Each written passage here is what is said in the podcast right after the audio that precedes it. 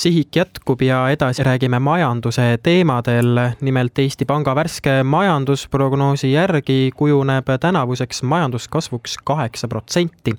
kuid juba uuel aastal siis tõotab majanduskasv aeglustuda ja nüüd on telefonil Eesti Panga asepresident Ülo Kaasik, tervist! tere! Eks see, et tänavune majanduskasv on hoogne, rõõmustab meid kõiki ja seda võis ka kvartaalsetest majanduskasvudest ju välja lugeda. aga see, et nüüd järgmisel aastal majanduskasv nõnda järsult pidurdub, selle paneme ikkagi suuresti hinnatõusu süüks. no tegelikult, kui vaadata Eesti majanduse olukorda, siis eh, paljud ettevõtted praegu ütlevad, et eh, noh, nende tootmisvõimsused on praktiliselt ajalooliselt rekordiliselt ära juba kasutatud. ehk et kui selle aasta kiire kasvutempo on paljuski sellest tulnud, et et möödunud aastal ei olnud need võimsused ära kasutatud, nüüd nad on ära kasutatud ja, ja sellise koha pealt edasi kiiresti kasvada, lihtsalt meil ei ole vabu ressursse enam. ja meil on nagu selleks, et nüüd kasvada, peaksime siis kas oluliselt investeerima või, või muul moel siis oma tootlikkust tõstma, et, et saaks, saaks rohkem toota, et et tegelikult see on nagu üks oluline pidur ka ees, mille pärast meil järgmise aasta kasvutempo aeglustub aga tõsi on ka see muidugi, et kiire hinnatõus on meie kasvu pidurdamas, et seda me tegelikult näeme ka käesoleva aasta kasv, käesoleva aasta kasvunäitajates, sest veel kolm kuud tagasi me arvasime, et kasv tuleb veel kiirem. aga, aga selgelt nii kiire hinnakasv mõnevõrra sööb juba seda ka majanduse kasvutempot kuivõrd äh, see hinnakasv on olnud äh, tõepoolest väga kiire siin viimasel ajal, siis äh, kuidas selle hinnakasvuga on näiteks mujal Euroopas, et kas teised Euroopa riigid on ka hädas niivõrd suure hinnakasvuga, kuivõrd see, mis meil siin Eestis praegu on?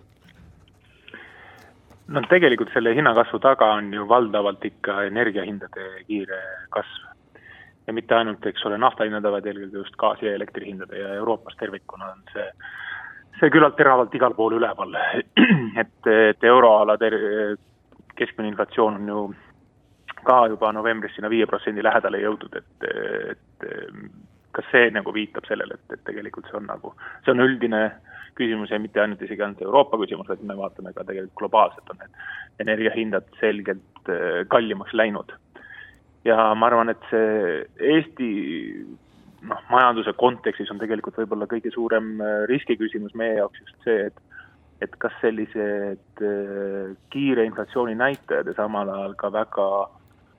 keerulised olud tööturul, kus on äh, just ettevõtjate jaoks keerulised olud, kus, kus on väga keeruline leida endale uusi töötajaid, et et kas see võib genereerida selliseid kodumaiseid täiendavaid hinnasurveid, mis, mis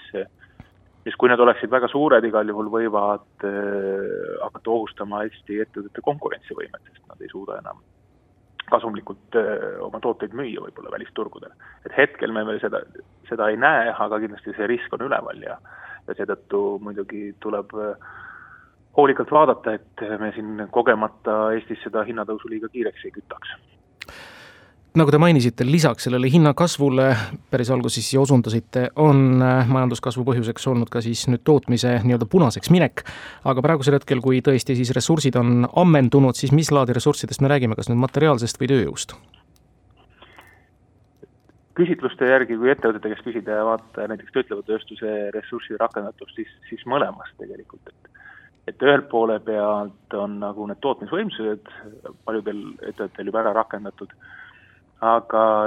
loomulikult ka töötajate poole pealt, et tõsi, meil need töötajate arv ei ole veel samal tasemel, kui ta oli enne kriisi, majanduses tervikuna.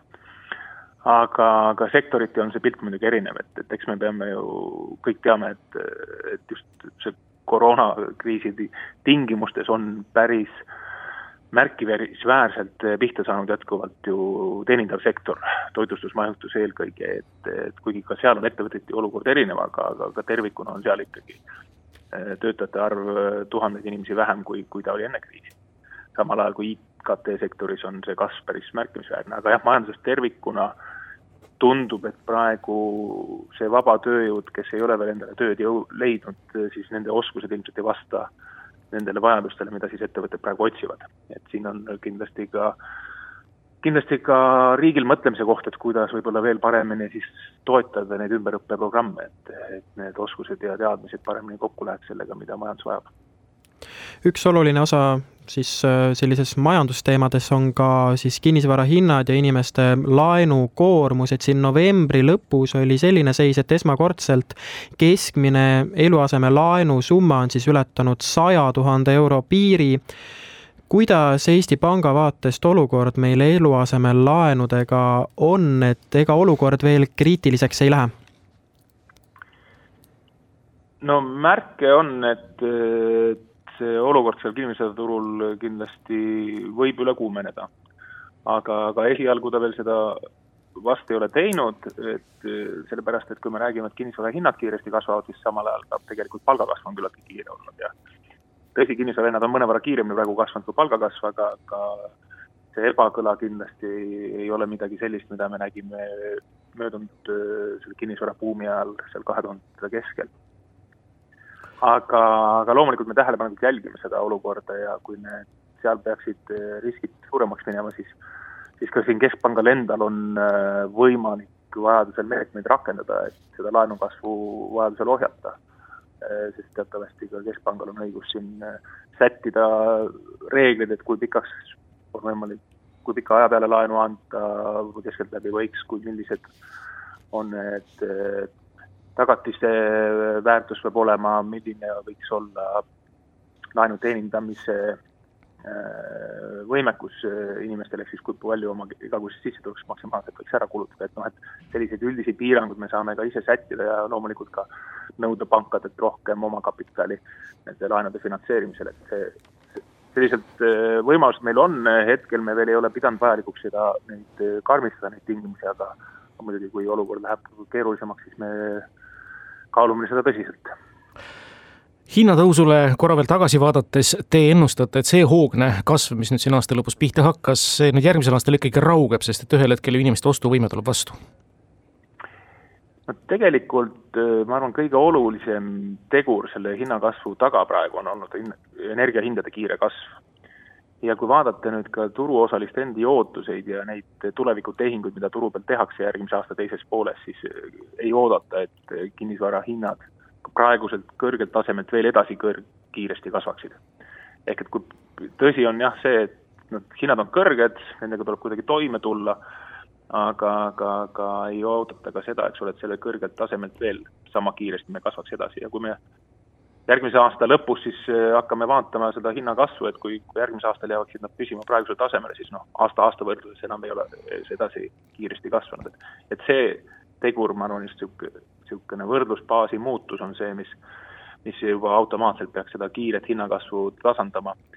aga muidugi on äh, see niisugune kõige olulisem küsimus selles, et, et kuidas see, see kiire hi-, energiahindade kasv, et kas ja kui palju ta kandub üle teistesse hindadesse, ka palgakasvu. ja kui see saab olema hoogsam, siis muidugi võib olla risk, et eh, inflatsioon kestab, see kõrgem inflatsioon kestab kauem kas sügisene suur eh, pensionisambast välja võetud säästude ralli, kas see nüüd on hakanud tasapisi nii-öelda mahenema, ehk siis see raha kõik on kuskile kas ära investeeritud, kulutatud, võlgadeks ära makstud, et selle nii-öelda välja võetud raha mõju enam järgmise aasta majandusele nii suur enam ei ole? Ta kindlasti on väiksem, kui ta on äh, käesoleval aastal, aga, aga see mõju muidugi kestab, sellepärast et kui vaatasime ka siin niisuguse äh, esim-, esimesi tulemusi sellest, et kui kiiresti on äh, inimesed oma raha ära kasutanud, siis noh, tegelikult kõik ei tormanud seda kohe ära kulutama, jah, väga paljudel oli vaja võlgu maksta, väga paljud äh, läksid kiiresti seda tarbima, aga, aga, aga suurem osa tegelikult äh, jättis esimese hooga veel selle kasutamata. et, et aga me teame, et tegelikult ka järgmises laines nii-öelda sealt pensionisüsteemist raha väljavõtjaid on ja, ja sellel mingisugune mõju jätkuvalt ka järgmise aasta majandusel on. ehk et ma arvan, et see nagu taandub, see mõju võib-olla alles ülejärgmisel aastal. suur tänu teile! Ja aitäh teile, Eesti Panga asepresident Ülar Kaasik, et leidsite aega osaleda Sihiku saates. ilusat jõuluaja jätku! häid pühi teilegi!